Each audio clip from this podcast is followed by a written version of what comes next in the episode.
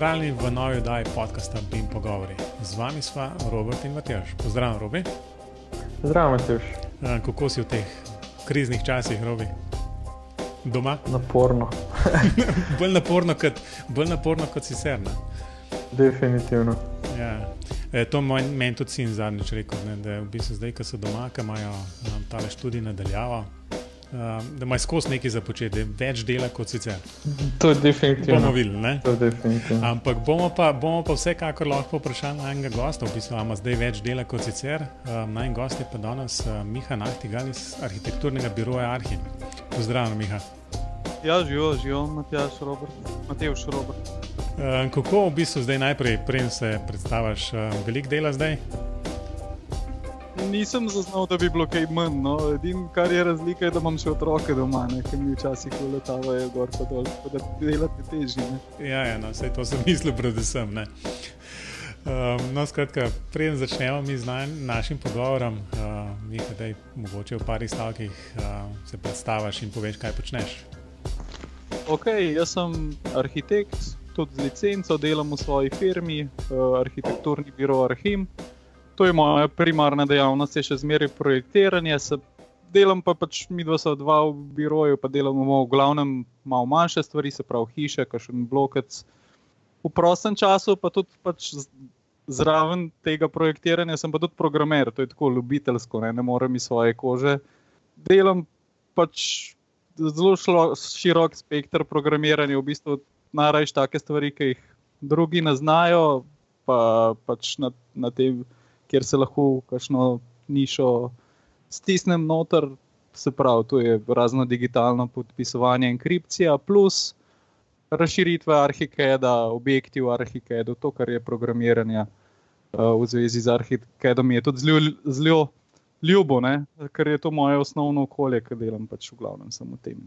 Tole, tole moraš najprej pojasniti, kako arhitekt pa programiranje. A si že na arhitekturo prišel z znanjem programiranja in si to sam tam nadgradil, ali te je v bistvu vmes parjel? Ja, v bistvu res. Jaz sem že v srednji šoli zelo veliko programiral, že tam zelo uh, užival, pa sem se pa v, po, po srednji šoli odločil, kaj ne grem zdaj ja, na računalniški faks ali ne grem na arhitekturo. Pa sem zbral arhitekturo, Mislim, takrat je bilo itak zelo težko gor priti, pa mi je uspel. Sam, sam še to povej, da si naredil sprejemce v, v prvem, prvič. Ja, ja, sem, sem. sem. Oh, Jaz jih nisem namreč. Tako da pa sem pa, ker sem delal faks bolj počasi, tistih 8 let vmes, so bili zlati cajti za programerje, ki je začel boom na področju teh poslovnih okolij. Uh, in se spomnim, da sem pač delal v eni kar veliki firmi, programerski, tako pač prek študenta, seveda, ne? zato je tudi faks bolj počasno laufal.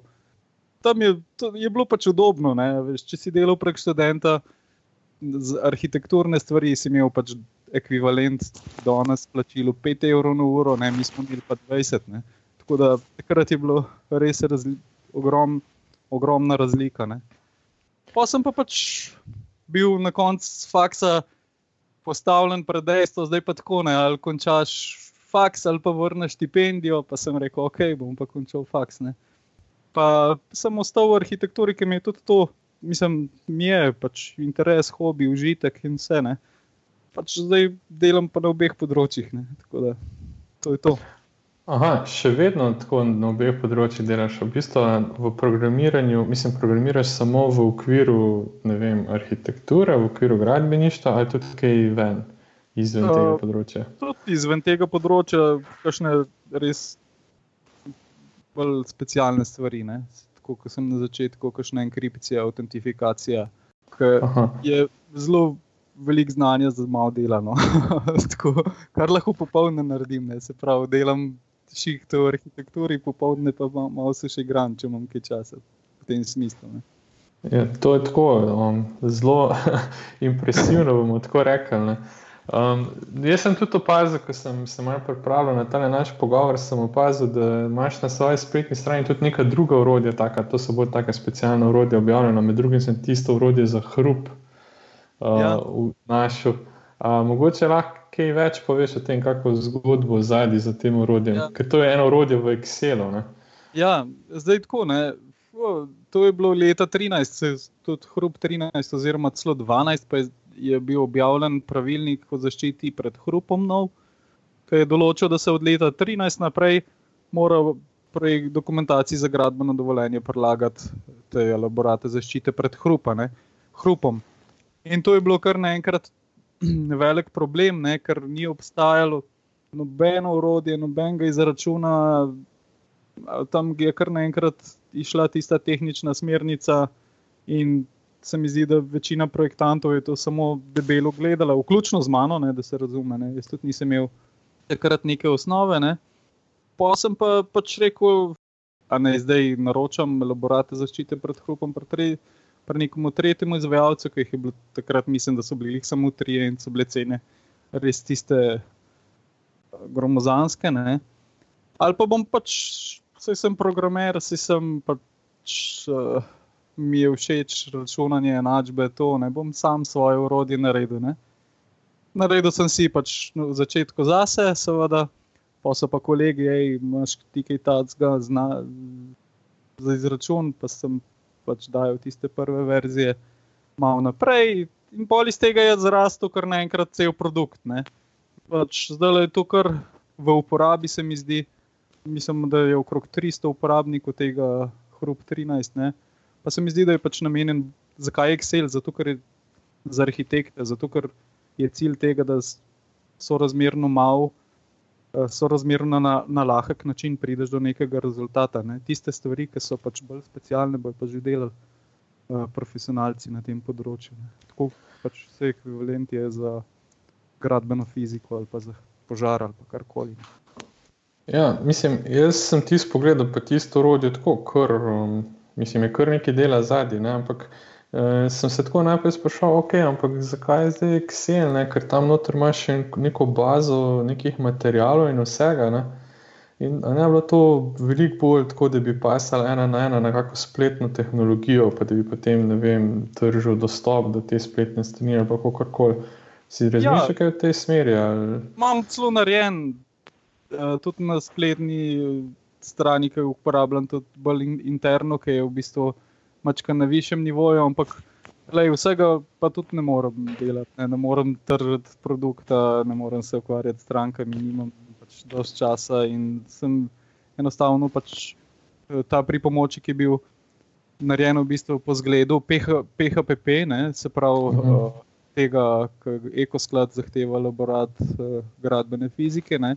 In tisti, ki smo, oziroma uporabljamo to, nam je bil ta, ta sistem zelo domač in smo, mislim, se na dosta zelo hitro lahko naučiš, ne, če neke te osnove uporabljaš. Tako da polje je ostalo na tem, nisem. Uh, veš, to je tako pri programerjih, hitro se navdušiš na neko, za neko stvar, jo pripeleš do nekega nivoja, pa se ti to nada več. Ne govori. Pa, pa, pa se pa že nova pojavlja. Pa se pa že nova zanimiva pojavlja. Ja, ja. Vse se mi zdi, da programerji se delijo ne na dobre, pa slabe, ampak na tiste, ki delo dokončajo, pa na tiste, ki ne. Ja. No, vse bo do, do programiranja, bomo danes še prišli, ampak um, ker imamo že v naslovu podcasta, bi jim noter omenjen, um, da imamo Miha še kakšno stvar reči okoli Bima, pa um, tvojega arhitekturnega biroja, ki te moram jasno najprej vprašati, ali si z namenom Miha okoli obrno prvo dodal par imena? Ja, ja pač to, je, to je čist namensko, ne pač iz imena izhaja ime firme. Pač, a, jaz, a sem jaz edini, kot do zdaj ne nisem tega vedel. ja, ne vem. Lej, pač moraš neko, neko ime, nek, moraš upoštevati, pa je bilo pač to prvo, ki to smo se neki hecali v študentskih cajtih, ki je bil to ten arhitekt uh, Urban, pa je imel na vratih od, študentsk, uh, od študentske sobe napisano Arhban. Ne? Jaz sem pa pol naredil hec, pa sem napisal Arhim ne? in pa je to takrat ostalo. Uh, zelo kul. Cool. Skratka, um, da jim povej, kako je, kako je z Bimom v, v vašem arhitekturnem biroju. Ja, jaz moram reči, da uh, imam s tem Bim, ne, imenom, nazivom, kratico, še zmeraj velike probleme. Ne? Mislim, tako kot. Ampak to je, to je zato, ker je arhitekt. Ne? Ja, to je tako, kot- večina ljudi, uh, uh, ki jih poznam, pa se s tem ukvarja. Ne, a veš, uh, pa, pa rečem, delaš v BIM-u ali ne delaš v BIM-u. Uh, veš, se mi zdi, da vsak, ki ga vprašaš, kaj je BIM, ima drugačen opis tega. Ne. Pa tudi razni javni razpisi, pa to, ki zahtevajo BIM projekt, se mi zdi, da so taka katastrofa zadaj. Da, mislim, veš, to je tako neka taka eh, bese- beseda, kratica, ki je tako v oblakih, ne, to, kot cloud computing. Dobro. Um, ne, lej, se, veš kaj, prej sem te vprašal, če kaj poslušaš te, te oddaje, bim pogovora, pa si rekel, da, da sploh ni sfera za to. No. Skratka, če bi poslušal, bi, bi, bi najbrž opazil, da bolj ali manj je vsaka druga oddaja tukaj, kjer se um, ne prerekamo, ampak izražamo svoje mnenje o tem, o tem kaj bi je in kaj ni. Ne. Tako da se mislim, da z Robijem oba strinjava s tvojo definicijo, da v bistvu. Točno se ne ve, to, kaj to je. Ne? Čeprav se kašni ta moment, sigurno ne bi strinjali z mano. Um, ampak um, dejstvo pa je, da je pač neka marketinška kratica, ki se kar dobro prodaja.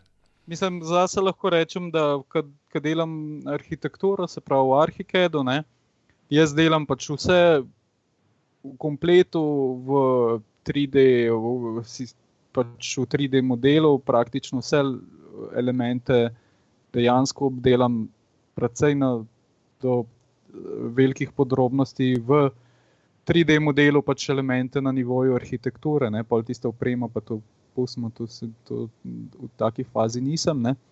Tako da v bistvu tudi detajli, pa take stvari v osnovi so kar v bistvu skoraj brez popravkov, s črtami, šrafurami, pa to. Ne.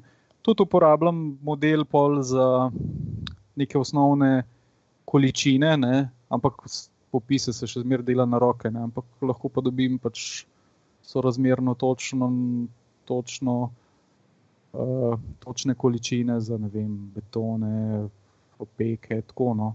Ampak to je zelo omejeno, to mogoče je 10 postavk, 20 takih, ki prav pridejo. Ampak ne vem, če zdaj me kdo vpraša, a delaš v BIM ali ne. Jaz rečem, ja, delam vse v 3D, ne, ne vem. Ja, mislim, zdaj bi, bi spet kdo lahko rekel, ne, da zdaj se lahko pogovarjamo o nivojih BIM-a. ali Ja, Ko, ne vem, kako se zdaj to preimenovali. ne, Ker, Ja, ja, se- ja. Uh, naj, naj kolega, profesor Turk, on bi vedno rekel, ne, da tudi AutoCAD je bil level nič. ne. Da, To, to je zdaj tako. No. eh, Tako kot si prej lepo rekel. Ne, pač, moram, najprej, jaz vsakmu rečem, ko mi začne v BIM-u govoriti, sploh s študentom. Ne. Jaz vedno rečem, ok, dajmo se zdaj zmeniti, mi kaj za nas BIM, pa pa lahko mi govorimo, če smo naredili BIM ali ne. ne. Ja. In pač približno tako je, ne. tudi v javnih razpisih bi morali povedati, pač kaj BIM za njih je, pa pač kaj pričakujejo. ne. Oziroma, še predtem bi pa to lahko naredili, pa najverjetneje morali vedeti, kaj bo z njim pol počel. ne. Tako je. Mislim, men, jaz tako zase razmišljam o tem, da moji modeli, moje delo je building model, ne, tisti imi pa verjetno manjka, tako kot po moje v večini primerov, da rečem naše ja. lokalne arhitekture oziroma BIM-a. Ok, to je to za BIM, ta, za, za, za to oddajo. ne. Um, se vrnemo nazaj na programiranje, ker, Okay. ker to, očitno nam tam pogovor lažje steče. Ampak Ja. Um, ne, resno, v bistvu, skratka, zdaj že dve, dve oddaje so z Romi nekaj govorila o, o Pythonu, in zadnji smo imeli oddajo uh, z Luko Gradišarjem okoli uh, uporabe Pythona in programiranja v bistvu in v Dynamo in Revito. No in jasno, Arhicad kot pač recimo naslednje v tej vrsti orodij, BIM orodij, um, absolutno tudi um, omogoča cel kup stvari. Um, zdaj me boš popravil v tej verziji 23 Python, je že možno uporabljati ali ne, to najbrž ti boljš veš kot jaz. Ampak um, predvsem bi se mogoče za začetek pogovarjali o, o nekih razlikah med GDL-jem, ki je um, pač način, kako definirati neke nove objekte um, v Arhikedu, um, pa naprej nek, um, nek API, um, ki ga Arhiked um, ima, um, kjer, kjer je možno dodajati neko funkcionalnost v sam Arhiked. Um, pač, Miha, če lahko v bistvu samo razložiš, kje so neke take razdelitve. No? Uh, ja, zdaj v osnovi Arhiket, glede teh programskih orodij, dejansko ima dve veji, ne, ta GDL, GDL, uh, ki je namenjen objektu, ne, objektom, se pravi, uh, ko je v bistvu prav samo element objekt ne, v Arhikedu, ki je lahko pa karkoli. Ne, uh, Na drugi strani je, so pa edoni, se pravi dodatki, vtičniki, ali kako je to po slovensko, ki so uh, pisani v C okolju, s tem, da pač v zadnjih dveh verzijah, mislim, da je tudi pred 22 že prihaja Python kot uh, neka alternativa C, ki je precej lažje za programirati. C je težek jezik. Ne, pač zato je uporabniška baza premehna, da bi lahko uh, te razširitve se delale v večjem obsegu. Uh, čeprav, če se vrnem nazaj na GDL, GDL, to je v bistvu kar velik očitek Arhikedu, da, da nima nekega okolja, nekega sistema, ki bi lahko uporabniki tako grafično oblikovali objekte, ne, ampak jih moraš v bistvu sprogramirati.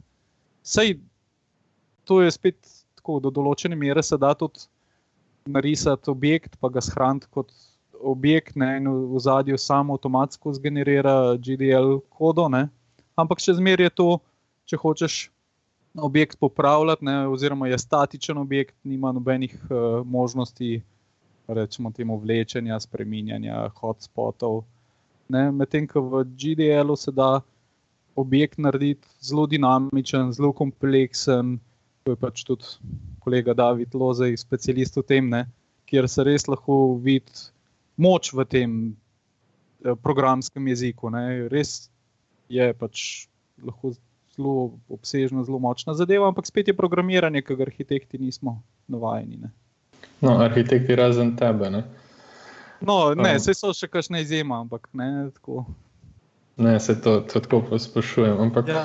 Um, ja, mislim, uh, zdaj, ko se teži k temu vizualnemu programiranju, pa modeliranju v 3D, pa ne vem, kaj vse, je to mogoče res ena taka ena visoka stopnica, da začneš. Ne? Ampak, vredno, ko začneš, potem pa se da pa narediti čuda, kar tudi uh, David, ki je bil tudi gost na najnem podkastu. Ja. A si videl? Ja, um, tako da, ki ga David to zelo, zelo dobro um, potem to uporablja. Um, se pravi, ti, ti, ko ustvarjaš te dodatke za arhitekta, um, oziroma ko, ko programiraš v okolju arhitekta, to delaš v C-ju, ali delaš te GDL objekte, kaj, kaj počneš? Odvisno od namena. Ne? Zdaj za objekte je to GDL še zmeraj. Ne? Za objekte, ki jih imam za, ali za interno uporabo, ali pa konec koncev tudi za zunanje stranke, če, če ti naroči eh, firme, pač bolj proizvajalci raznih, kot dela recimo David nad strežki, kanalizacija, okne, cisterne. Ne? njim je bim, pač se sveti ne, in se naroči objekt za arhitekt, da bojo lahko pač. Da lahko to objavijo vem, na svoji spletni strani, tudi na objekt repozitorjih, se pravi, teh spletnih straneh, iz katerih lahko preneseš te objekte. Ne. Se pravi, to so GDL, še zmeraj jezik za, za objekte, za posamezne objekte. Medtem, ko add-oni, se pravi, vtičniki, dodatki, so pa namenjeni temu, da v bistvu dvem, dvem uh, sklopom stvari. En, en sklop je avtomatizacija v Arhikedu, recimo, da avtomatiziraš procese priprave listov, da narediš vem, standards checking, se pravi preverjanje standardov, da narediš, recimo, kot primer uporabe, da narediš sistem, kjer, so, kjer zbereš detajle proizvajalcev in jih ustaviš v svoj projekt, ne, tako na hiter, lahek način, da ti ni treba po svojih arhivih brskati. Kaj ne, se pravi, to je avtomatizacija. Na drugi strani pa se pravi, so ti add-oni namenjeni interakciji objektov, ki so napisani v GDL. Ne? Se pravi, GDL objekti so po eni strani zelo, lahko zelo kompleksni, ampak so svoj, sam svoj objekt. Ne? Ta objekt ne ve, ne pozna drugih objektov, ne pozna do določene mere pozna okolje, ampak tudi slabo. Mislim, in če hočeš vzpostaviti neko interakcijo med objekti, to narediš z add-onom v C, oziroma zdaj v Pythonu. Ne? Se pravi, če hočeš, da en objekt reagira na dogodek, na premikanje drugega objekta, da se premikata sočasno, ali pa da, en, da je en objekt odvisen od lastnosti drugega objekta, ne? da se spremeni glede na lastnost drugega objekta, temu je pa, pač namenjen add-on. Seveda je uporaba, uporaba še kar nekaj okrog tega, pa so še področje tega renderiranja, področja ekstrakcije 3D modela, se pravi v RAW modela, kako se to reče po slovensko. Tako, no, pač low level dostopa do. Do vsega, kar vidiš, v bistvu, in kar ja, zna, ja. kar zna Arhicad, znaš v bistvu načeloma potem skozi uh, ja. C, oziroma skozi API, ki ga ima na voljo, ja. um, doseči. V bistvu, ja, zelo zanimivo. Ne? Ena stvar, v bistvu, mogoče za tiste, ki bi jih to zanimalo, um, kako težko je s tem začeti. No?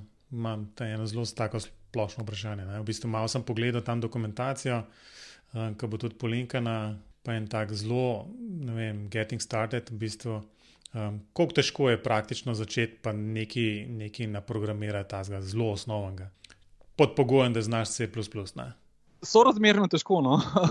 Tudi če znaš C, se mi zdi, da to ni enostavno. Tako, jaz sem rabo, pač, pa, se pravi, sem znal C, pa sem rabo kar nekaj časa, da sem naštudiral principe programiranja za arhitekt, ker tudi ni črno-belo, ne? so neke posebnosti. In se mi zdi, da je pač glih iz tega razloga ne, je nastal Python, ki je v bistvu poenostavitev tega procesa programiranja Edonov, ker, bil, ker se izkaže, da je C tako zahtevna zadeva, da je zelo malo ljudi lahko vlada ne, oziroma znane.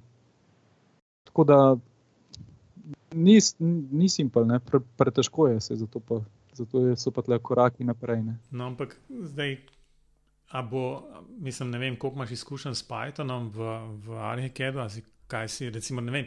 Ali pa bom tako začel, v bistvu, kaj je bilo tisto največji, največji edon, ki si ga recimo naredil, recimo, za, v, pa napisal C. Pa ga, če ga lahko sam v, tako, v pari stavkih opiših, to, da dobimo malo sliko, v bistvu, kaj vse naredi. Recimo. Jaz sem naredil, recimo, mogoče dva taka, malo večja. Prvi je bil namenjen temu, da znotraj arhikeda na nek lažji način upravljaš z materiali, z strukturami, se pravi, sestavami, ne, stenami, pa z detajli, kot sem že prej omenil. Ne.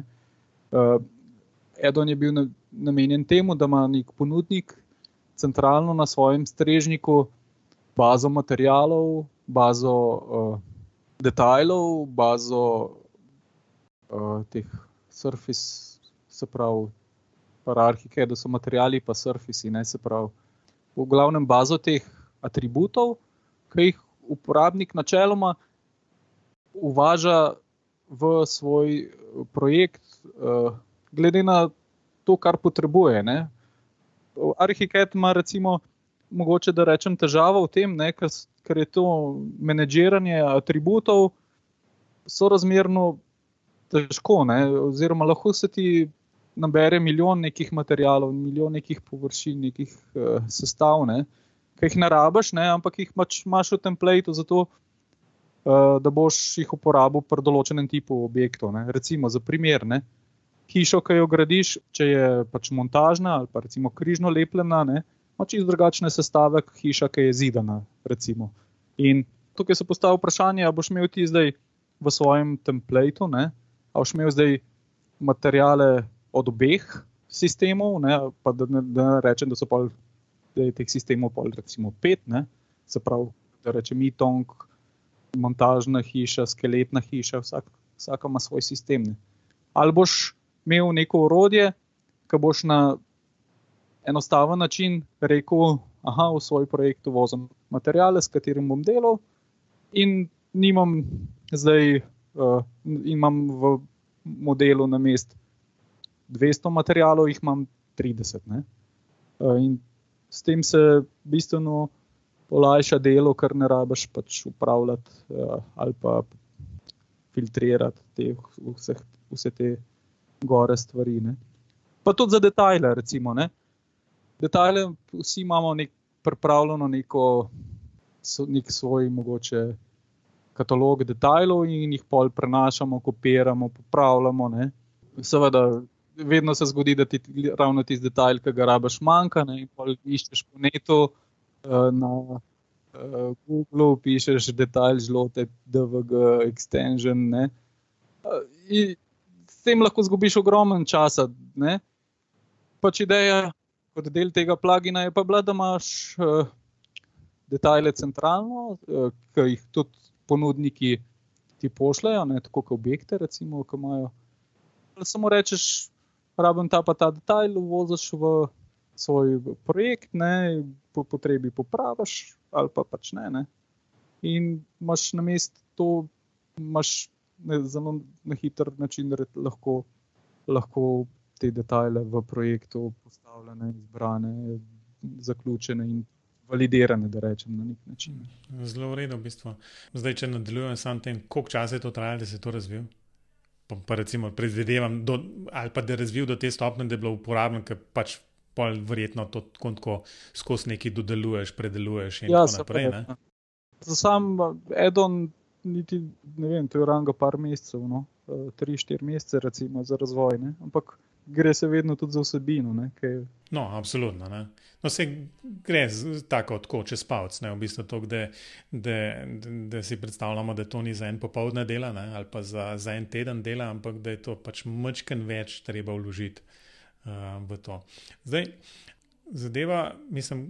Pač C, vemo, da je pač treba prevesti v, v, pač neko iz, pač v neko izvedljivo obliko, predvidevam, da to nek DLL ven dobiš ali pa ne vem, neko, neko knjižnico, nekaj pol arhiket, nekako prežveči in pobere. Ne? Ja, tako je. Ja. Koliko časa v bistvu pričakuješ, ali pa zdaj ne vem, če imaš, koliko imaš izkušenj s Pythonom, ali je neka razlika pri samem tem razvoju, da je sam razvoj teh add-onov zdaj bi lahko skozi Python, ki je pa dinamičen jezik, pa nima tega koraka uh, skratka, je skripten, pa nima koraka prevajanja. Šle ta stvar kaj hitreje, um, da bi celoten proces malo bolj tako tekoče tekel, ne da je treba po možnosti arhiket ugasniti, preden se v bistvu tvoj popravljen del naloži. Ne, jaz mislim, da sam ta goli razlog deploya ne, niti ni tak problem. Ima to zelo dober urejen C arhiket, tako gre deploy in ta debug zelo dober uh, sistem narejen. Je pa pač, se mi zdi, da je pa predvsem krajši čas razvoja na račun tega, da Pythonu ni treba skrbeti za razne low-level detajle, ne? se pravi memory management, ne? pointerji, to ne. Garbage collection, ampak to smo zdaj že tukaj tuk, uh, ja, ampak uh, to, to, to je bilo moje naslednje vprašanje. Tega, ker, ker mislim v C, pa ne vem, sicer sem že malo pozabil, ampak jaz sem v C, ki je AutoCAD, če IRX imel. Ja. Uh, no, tam noter smo programirali v C, na koncu nisi vedel, v bistvu, zdaj, je bug v tvoji kodi ali v AutoCAD-u ali kjerkoli. Uh, ja. Kako je pa s tem, dejansko me zanima, v bistvu, koliko kako hiter ga lahko kardinalno nekaj polomaš. Seveda ga lahko, ne? mislim. Uh, je, to, so take situacije, ki si pološ lase, ki ne veš točno, kje je problem. Kar pri takih jezikih, kot Python, tega ni, ki ti to dela avtomatsko. Ne? Tako da, ja, tle je razlika. Ne? In tudi iz tega vidika je razvoj, po moje, hitrejši za nekoga, ki ni, recimo, 24-7 programer v C. Ne? Tako da, ja, je, je pohitritev. Ne? Je pa pač treba omeniti, da tako, kot piše, ne, je zaenkrat eksperimental Python. Ne? Zaenkrat, če preveč na osnovnem nivoju, ne, da bi bila ta stvar uporabna, ampak mislim, da se bo razvil to hitro. Zdaj, odvisen je seveda od Graphisofta, kako bo uložil v to. No, ampak sej, če se ne motim, je podpira itak C posluži od začetka arhitekt, ne bo nekaj časa trajalo, da bo pač Python prišel na ta nivo. Ja. Uh, ampak hotel sem te nekaj vmes, sem poslušal, ko si govoril, pa sem te hotel vprašati, um, koliko dolg že programiraš v C, pa kdaj si se s Pythonom srečal? V C, kako dolgo. Ta, taki low-level jeziki sem, sem jaz že od začetka programiral, ker ne vem, takrat, ko sem začel s programiranjem, to je bilo v bistvu začetek srednje šole, da ne rečem, celo osnovni šoli, teh high-level jezikov sploh še bloni. Ne. Bil je C, bil je Pascal, pa Assembler. Ne. In to je to, ne. ni bilo objektnih jezikov, imel je Pascal že nek z osnovo objektov, ne. ampak C, je glih, to so bili C je glih takrat enkrat ven prišel, ne? tako objektno programiranje. Ne, se sprašujem zaradi tega, no, ker, ker sem hotel Paul vprašati, da glede na to, da pač ene jezike poznaš že res dolg časa, ne, zdaj drugi se pa zdaj pojavljajo. Ne, in pa bo moje vprašanje, če bi, če, ali pa če bo enkrat Python dosti dobro implementiran v arhitekt, v katerem boš naprej razvijal svoje stvari. No, to je bilo moje vprašanje. Ne vem, lej, tega odgovora nimam. Meni v osnovi Python ni tako domač kot C. Ne? Eh, zaradi tega, ker tiste stvari. Uh, sem pač naredil nekaj stvari že v Pythonu, ampak bolj tako, da se testiraš, kako jezik teče, ne? programski jezik teče. Ne? Moram pa reči, da, da mi je to domač jezik. Ne? Mislim, če ne, ne, dru, ne drugega, si je težko navaditi, da nimaš. Um zavitih uklepajo za Forzanko. Ja, ja, ja. Recimo, ne, ne samo to, mene tisti zamiki. Veš, jaz, jaz v osnovi jaz programiram vse za splet, meni je to res, res fajn početi. No. Letos me je pa Mateoš prosilo, da sem se Python začel učiti. Ja. Um, in, in tako na trenutke sem totalno navdušen, ne. na trenutke ja. me pa to živcira, da bi ga tudi prstno nekam. Ne. Ja. In Mislim, tako. No, um, jaz načeloma res ne maram jave. Ne. To je tudi, pač res ne maram jave. Uh, in, in me Python včasih na javu spomne, pa si ti njegovi moduli, pa sem pa tja, pa oh, ampak tako, no, narediš pa nekaj res, res zelo na hitro, pa zelo dobro manipuliraš številkami, pa stringi, ja. um, kar je zelo kul. Cool, um, ampak uh, jaz drugače večino strišov naredim v PHP, no, ker, ker mi je res Tam ja, meni, je tudi, ja, meni je tudi PHP top, ne? tako da sem malo, veš, ki me žena vpraša, a, a spet dela za službo, ki vidiš, mislim, spet programiraš, ki vidiš tole okolje. Pa je PHP zadaj, pa rečem, ne, zdaj, zdaj se zdaj odmaram, ne, zdaj počivam. o, evo, mi dva se bova dobro razumeli. Ojoj, PHP, sam še ne s tem. um, ok. Um, je noč, um, robi imamo kakšno vprašanje, um, tako zelo konkretno okolje. Ja, no, lahko še kako PHP rečemo. Ampak... Ja, zdaj mi je na PHP. ne, ne, uh, jaz, jaz sem hotel sem to vprašati. Meni se zdi, da je bila, da je bila um, ta podpora Pythonu že napovedana za Arhicad 22, pa je zdaj pač neka eksperimentalna v 23, ki je prišla. Pa sem hotel sam še vprašati, če mogoče veš kako ima časovnico, ali bo to, kdaj bo to prišlo iz eksperimentalne faze, ali mogoče nisi ne zasledil. Ne, nisem zasledil. Nač, mislim, beta verzija tega Pythona, mislim, da je bila tudi že v 22, zdaj to je tako na učrečen, nisem zihar, ampak če se ne motim, je bila že v 22. Je pa ta eksperimentalna verzija. Pač, Kot sem pogledal, je zaenkrat res tako zelo nizkem nivoju. Pač lahko manipuliraš z objekti, ampak še to nimaš dostopa do celotnega nabora lastnosti od objektov, ne? nimaš dostopa. Objekti so tudi hierarhično razdeljeni, se pravi, za primer stopnice imajo pač nastopne ploskve, imajo jedro, imajo, in uh mhm. -huh. dostopaš lahko samo do, uh, v Pythonu, samo do prvega nivoja ne, teh, uh, te hierarhije za objekte, ki imajo hierarhijo. Ne. Tako da, o, ne, ampak lej, ne vem, ne vem ne, kdaj. Je pa, je pa v bistvu, mislim, meni če je to malo mal, um, um, želja ali pa ne vem, razmišljanja podajamo. Ne, v bistvu meni se bolj zdi zanimiv. Zanimiva možnost, da bo šli po neki poti, tako kot ima um, Alplan. Ja. Kaj imaš ti se smart parts v bistvu noter, ki je dejansko v Pythonu sprogramiran in zdaj sem bolj viden, da, da je to neka zelo analogna povezava, da se Python tudi um, nekako umesti nad GDL ali kaj podobnega. Ja. Ali pa je skozi pač na ta način potem se neka taka bolj tesna povezava med to sfero, ki jo obravnava GDL, se pravi med samimi objekti, pa med samo neko funkcionalnost ali pa neko avtomatizacijo.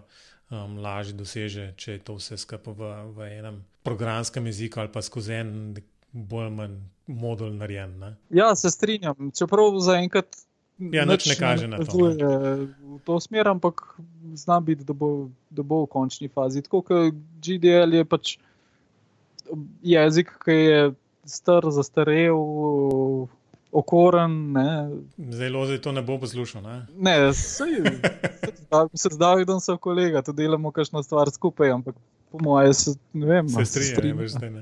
Um, ampak ja. sem pa hotel malo v bistvu, čeprav tole najbrž noben z Arhikeda ne bo, oziroma z Grafisofta ne bo tega poslušal, ne. um, ja. Zelo dvomom, ne.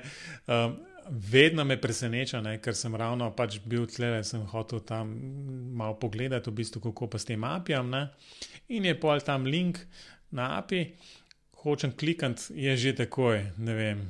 Da, da se rabaš uh, prijaviti na tisto developer site, v bistvu od Grafisofta in ne vem kaj že. Tudi, tudi enega članka ne moreš prijeti, ali pa do ene dokumentacije, ne, bi, ne da bi bil prijavljen tam noter. In me je prav. Ja, tako, mislim, oh. mislim, da se mora samo upisati, ampak ja, ja načelno ja, plačila ni. Uh. Ja, je, ma, mislim, grafisa za moje pojme ima zelo okorno to komunikacijo s strankami, z developerji. Se mi zdi, da tudi pač tako. S, temi, veš, s tem planom razvoja, kaj bo naprej, so zelo skrivnostni. Ne, uh, nočijo povedati ti, če gledaš na njih mislim, na njihovem forumu, oziroma na tem glavnem forumu. Ne. Ti, ki so višji, se pravi, želje za naprej, neč kaj dosti ne reagirajo na to. Ne. A vam povem še nekaj, kaj je še slabše na njihovi spletni strani. Če se prijavite, recimo, gor, pa želite dobiti educational licenco ali kakšno koli licenco, ne, se treba prijaviti na myarchicad.com in ko se tam gor prijaviš, bi te morali preusmeriti nekam drugam. In če imaš slučajno brskalnik, tako kot je Firefox ali kjerkoli drug, ki blokira te piškotke iz drugih virov, ne, te third-party cookies, ni osnovne možnosti, da bi prišel do download linka. Tako da to sem enkrat si razbil glavo, cel dopoledne, pa recimo, da sem računalničar, oziroma to je malo hudo, da se rečemo informatik. No. Nikakor. Tako da sem na koncu bupal, sem šel na safari, ne, Mateoš, in tam pa potem delal. Zdaj za nekaj safari da, dobro, ne? Ampak Chrome, Firefox, Brave, Opera, karkoli vzameš, pa da imaš preprečene third party cookies, ne prideš gor. Pa robi, ne, sam tako, če bo kdo se s tem nekaj prskalniki se omenil, v bistvu, kdo sploh to uporablja? ja. ok, bom raje tihnil. Matej, zelo resno boš dobil na USB ključku Microsoft Edge. ne, zdaj, ne, ja, unga za meka, ne? Veš, da so za meka napovedali. Ja, se je, se je že. A je že, ali kaj? Ja, ja. Pa, pa zelo dober je, pa zelo hiter. Mm -hmm. Še vedno je pa Microsoft. Hvala, ne. Okay. Uh, ja, mislim, da, da tole bomo mogli še enkrat ponoviti, ne? ker, ker te programerske so zelo dobre, meni so zelo všeč. No. Uh, enač, uh, jaz, bi, jaz bi na tem mestu končal, ne? ker obljubil sem Miha, da, da tole ne bo trajalo več kot eno uro. Mi se že pogovarjamo, ne vem, kar nekaj časa, ampak uh, da pa sam oddaja ne bo daljša kot 30 ali pa 40 minut, moramo počasi zapeljati konco. Um, enih par stvari smo povedali, vil, da ni čist trivialno, ampak nič ni trivialno, če se omenja C. Jasno, če pa to še znotraj enega drugega programa, je pa zadeva jasno povezana še z nekimi uporabo nekih specifičnih API-jev in načina, kako sploh to skompilirati in kam odložiti in kako sploh arhiket to požre na koncu. Tako da um, najbrž te lahko o tem in jasno o drugih stvarih v povezavi z Arhikedom in razvojem Edona vprašaj tudi uh, poslušalce tega podcasta in njih povej, kam ti lahko pišejo. Ja, če je kakšno vprašanje, komotno, kar na info, afna arhim.si, se bom potrudil za kakšen pameten odgovor. Um, Robi, kje pa tebe lahko poslušalci dobijo? Ja, za vse to virtualno gmoto elektronske pošte mi lahko pošljete na robert.klinc.net. Vse v povezavi s podcastom, to oddaja ali pa preteklimi oddajami, na sveti, predlogi, grajami, pohvalami že celo, um, lahko pišete seveda zmeri na infoafna, bimpogovori.si. Um, poslušalce, ki to poslušajo, pa še niso naročeni, bi vsem prosil, da se naročijo tudi ni nič slabo, če greš na YouTube, pa se še tam naročite, to dvakratno šteje. Um, tako da um, res hvala, Miha, da si, si vzel čas uh, v teh čudnih časih, ko smo vsi doma. Um, tako da morali bi zdaj le sicer se gledati v video, ampak v, v luči um, zmanjševanja prometa po internetu uh, imamo celo samo uh, zvočno povezavo. Um, Tako da je res najlepša hvala, da si vzel čas in nam dejansko predstavil, kako to zgleda v Arhikedu in programiranju, ali pa saj, kaj se sploh da recimo, razmišljati v Arhikedu in Edonih. Ja, ni problema, hvala, da ste me gostili, da se slišimo, kaj je za naprej. Ne? Super, neč, to je tudi vse za, vse za danes, Miha in Robi. Adijo. Adijo. Adijo.